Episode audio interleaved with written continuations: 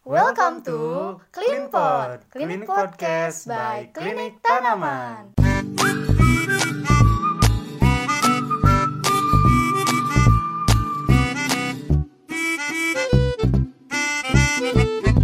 Halo pengajar Clean Tanah, balik lagi nih di Cleanpod, Klinik Podcast by Klinik Tanaman. Baik lagi sama kita, yaitu aku, ada Cega, KT551 Zinia, dan Aku Widi, KT541 Zinia.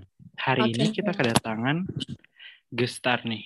Salah satu keluarga kita, angkatan Formika. Formika, angkatan Formika. semut, semut.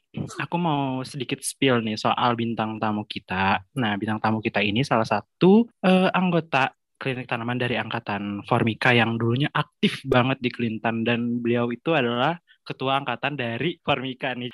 Nah, dan beliau juga eh, sekarang sudah lulus dari S1 dan sedang melaksanakan studi Sedang- lanjutan sedang atau S2 di Jepang nih, teman-teman.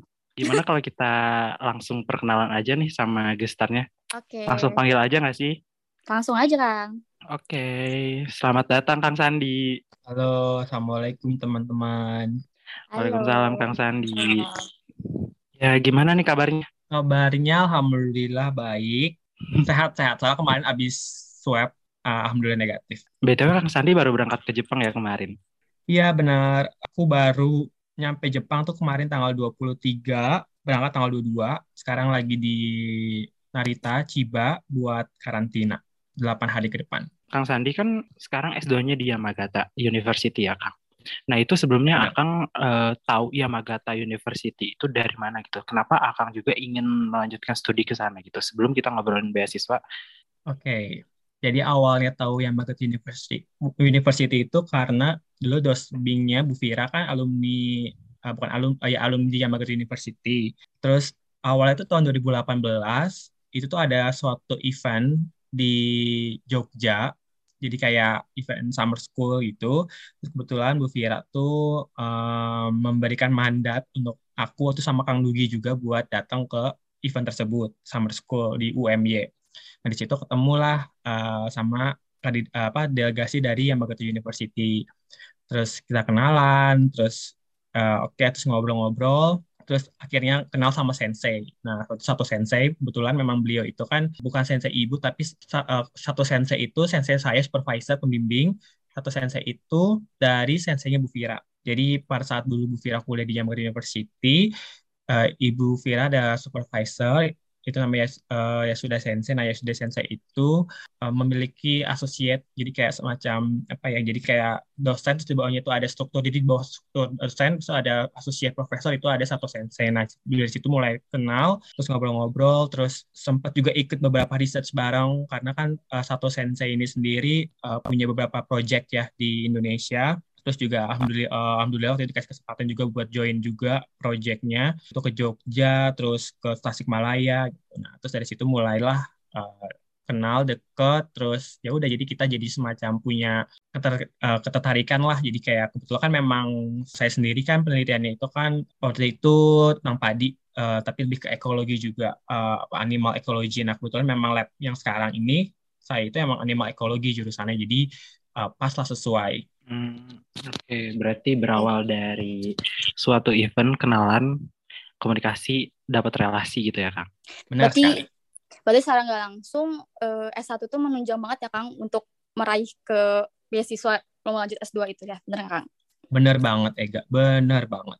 Oh ya, tadi Kang ngomong nih mengenai beasiswa nih, beasiswa yang akan dapat sekarang. Ada tuntutan nggak Kang gitu dari beasiswa yang didapat itu- tersebut gitu?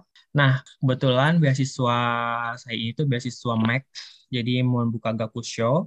Jadi ini beasiswa dari pemerintah Jepang, Men- Kementerian Pendidikan Jepang. Nah, untuk beasiswa yang saya peroleh ini tuh nggak ada tuntutan. Jadi eh, kan kalau mungkin kita menyinggung eh, ke LPDP kan ada ikatan dinas ya, maksudnya setelah lulus harus pulang ke Indonesia. Nah, kalau untuk MAX ini sendiri nggak ada tuntutan harus pulang, nggak ada ikatan dinas. Jadi nggak ada sih, nggak ada tuntutan apa pun. Eh, tadi tuh kan Akang beasiswa Maxia dari pemerintah Jepang. Nah, itu ah, cara apply Akang untuk dapetin beasiswa itu tuh gimana sih, Kang? Oke, jadi um, Max ini sendiri, um, beasiswa Max ini tuh sebenarnya ada beberapa skema. Kalau untuk saya sendiri, saya itu beasiswa Max U to U. Jadi kepanjangannya itu University University. Jadi itu beasiswa yang di mana ada hubungan uh, antar university. Jadi kayak kebetulan memang Yamaguchi University itu mempunyai MOU sama Unpad. Nah dari situ sendiri jadi saat nanti ada pembukaan dari Yamaguchi University untuk menca uh, apa, mencari mahasiswa internasional baru, nanti Yamaguchi University akan mengirimkan informasi bahwa mereka sedang membuka pendaftaran untuk mahasiswa U2U. Nah, jadi uh, nanti diinfokan ke pembimbing ke Unpad ke Faperta bahwa ada pembukaan Max to U2U. Dan uh, untuk Max to U2U ini sendiri uh, mungkin lebih terbatas dibandingkan G2G ya. Jadi kayak misalkan Yamagata University ini mempunyai uh, MOU dengan beberapa university, uh, selain Unpad juga ada kayak UGM, UMY gitu. Jadi uh, jadi nanti mungkin informasinya itu ada di univ-univ yang ada MOU-nya dengan Yamagata University. Nah, nanti dari situ informasinya diberikan, kita mulai apply lah daftar. Oh, Kang, tadi kan ada G2G sama U2U ya, Kang. Nah, itu presentase keberhasilan atau presentase lolos dari masing-masing itu bisa diperkirakan nggak, Kang? Uh, mungkin presentase yang jelas mungkin G2G itu mungkin lebih ketat ya karena uh, itu sistemnya kan karena lebih uh, secara umum. Misalnya kan kalau U2 itu kan terbatas ya, maksudnya dengan universitas yang punya MOU seperti itu. Mungkin ada hubungan gitu yang sudah ada relasi. Nah, kalau G2G ini mungkin misalkan kayak siapa pun langsung daftar jadi satu nanti uh, yang jelas pasti saingannya akan lebih banyak dibandingkan dengan U2U kayak gitu. Jadi untuk presentasinya yang jelas mungkin G2G akan lebih rapat ya dibandingkan U2U uh, fasilitas apa sih Kang yang akan dapat dari beasiswa Max ini itu? Oke, kalau untuk fasilitas ada beberapa. Uh, yang jelas uh, biaya kuliah itu ditanggung sepenuhnya, jadi kita nggak oh. perlu bayar kuliah. Terus juga ada tunjangan hidup, jadi kita per bulan itu dikasih uang saku ya. Kalau untuk jenjang itu berbeda. Kalau untuk S2 saya dapat uh, 144 ribu yen per bulan. Berapa Terus juga tuh? ada tiket Uh, coba dikali dengan kurs uh, yen sekarang berapa. Kebetulan kayak yen lagi jatuh deh. Soalnya terakhir itu beli itu lagi jatuh banget. Jadi silakan dicek dikalikan dengan kurs yen rupiah sekarang yang terbaru. Terus juga tiket pesawat pergi dan pulang. Jadi nanti teman-teman udah disediakan tiket buat berangkat sama nanti pulang saat udah beres kuliah gitu. Terus juga ada visa. Nah, visa itu gratis untuk Max. Jadi uh, berbeda dengan mungkin uh, beasiswa lain tuh mungkin harus bayar ya. Kalau untuk Max ini uh, free, kita nggak perlu bayar visa. Terus tadi juga sih sempat disinggung di awal, di Max ini sendiri juga memang nggak ada ikatan dinas. Jadi ya mungkin nggak ada tuntutan kayak gitu. Oh ya, Akang tuh masuk tuh sekitar tahun 2021 nggak sih, Kang? Iya, harusnya tuh uh, masuk itu tuh bulan Oktober 2021 kemarin. Iya. Cuma baru bisa berangkat sekarang karena kan pandemi ini lumayan ini ya. Untuk Jepang sendiri kan ketat banget untuk ya. penerimaan orang baru yang baru masuk ke Jepang tuh lumayan ketat gitu kan. Jadinya memang nggak cuma saya sendiri sih, beberapa teman dari kampus lain juga sama merasakan hal yang sama. Jadi untuk angkatan 2021 khususnya memang dan juga 2020 juga sih. Jadi memang uh, dua untuk dua tahun ke belakang ini kita memang uh, lumayan ini agak kesulitan untuk masuk ke Jepang kayak gitu.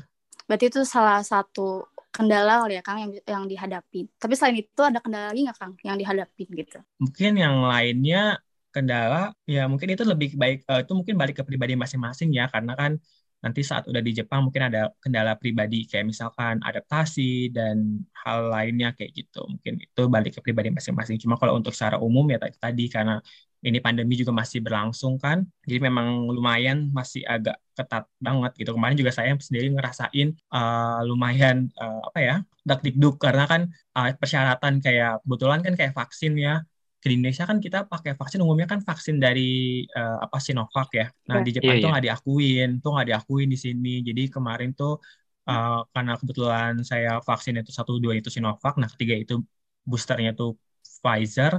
Jadi vaksin satu dua satu sama dua saya itu nggak diakuin di sini. Jadi otomatis saya dianggapnya belum vaksin, tidak vaksin kayak gitu. Oh. Jadi, oh, nah iya itu tadi. Jadi uh, kendalanya di, itu juga. Jadi makanya saya juga wajib untuk karantina. Nah kalau mungkin teman-teman yang udah vaksin dari awalnya kayak vaksin diakuin di Jepang itu ada Pfizer, Moderna, AstraZeneca, ada beberapa lagi yang saya lupa itu namanya lumayan ribet. Uh, itu uh, mungkin teman-teman kalau ke Jepang mungkin nggak perlu karantina kayak gitu. Eh, kan kemarin angkatan 2021 kata Akang kan terdampak pandemi juga ya sebelum bisa berangkat ke Jepang itu. Nah, itu kira-kira kegiatan apa aja sih Kang sebelum Akang berangkat ke sana tuh ada nggak misal kegiatan perkuliahan atau kayak gimana gitu? Oh iya, sejak Oktober 2021 itu udah terhitung mahasiswa aktif ya. Jadi otomatis sudah KRS-an, terus sudah masuk kelas juga, kelas tapi online semua kayak gitu. Terus eh, itu sih eh, ya udah palingan kelasnya online semua.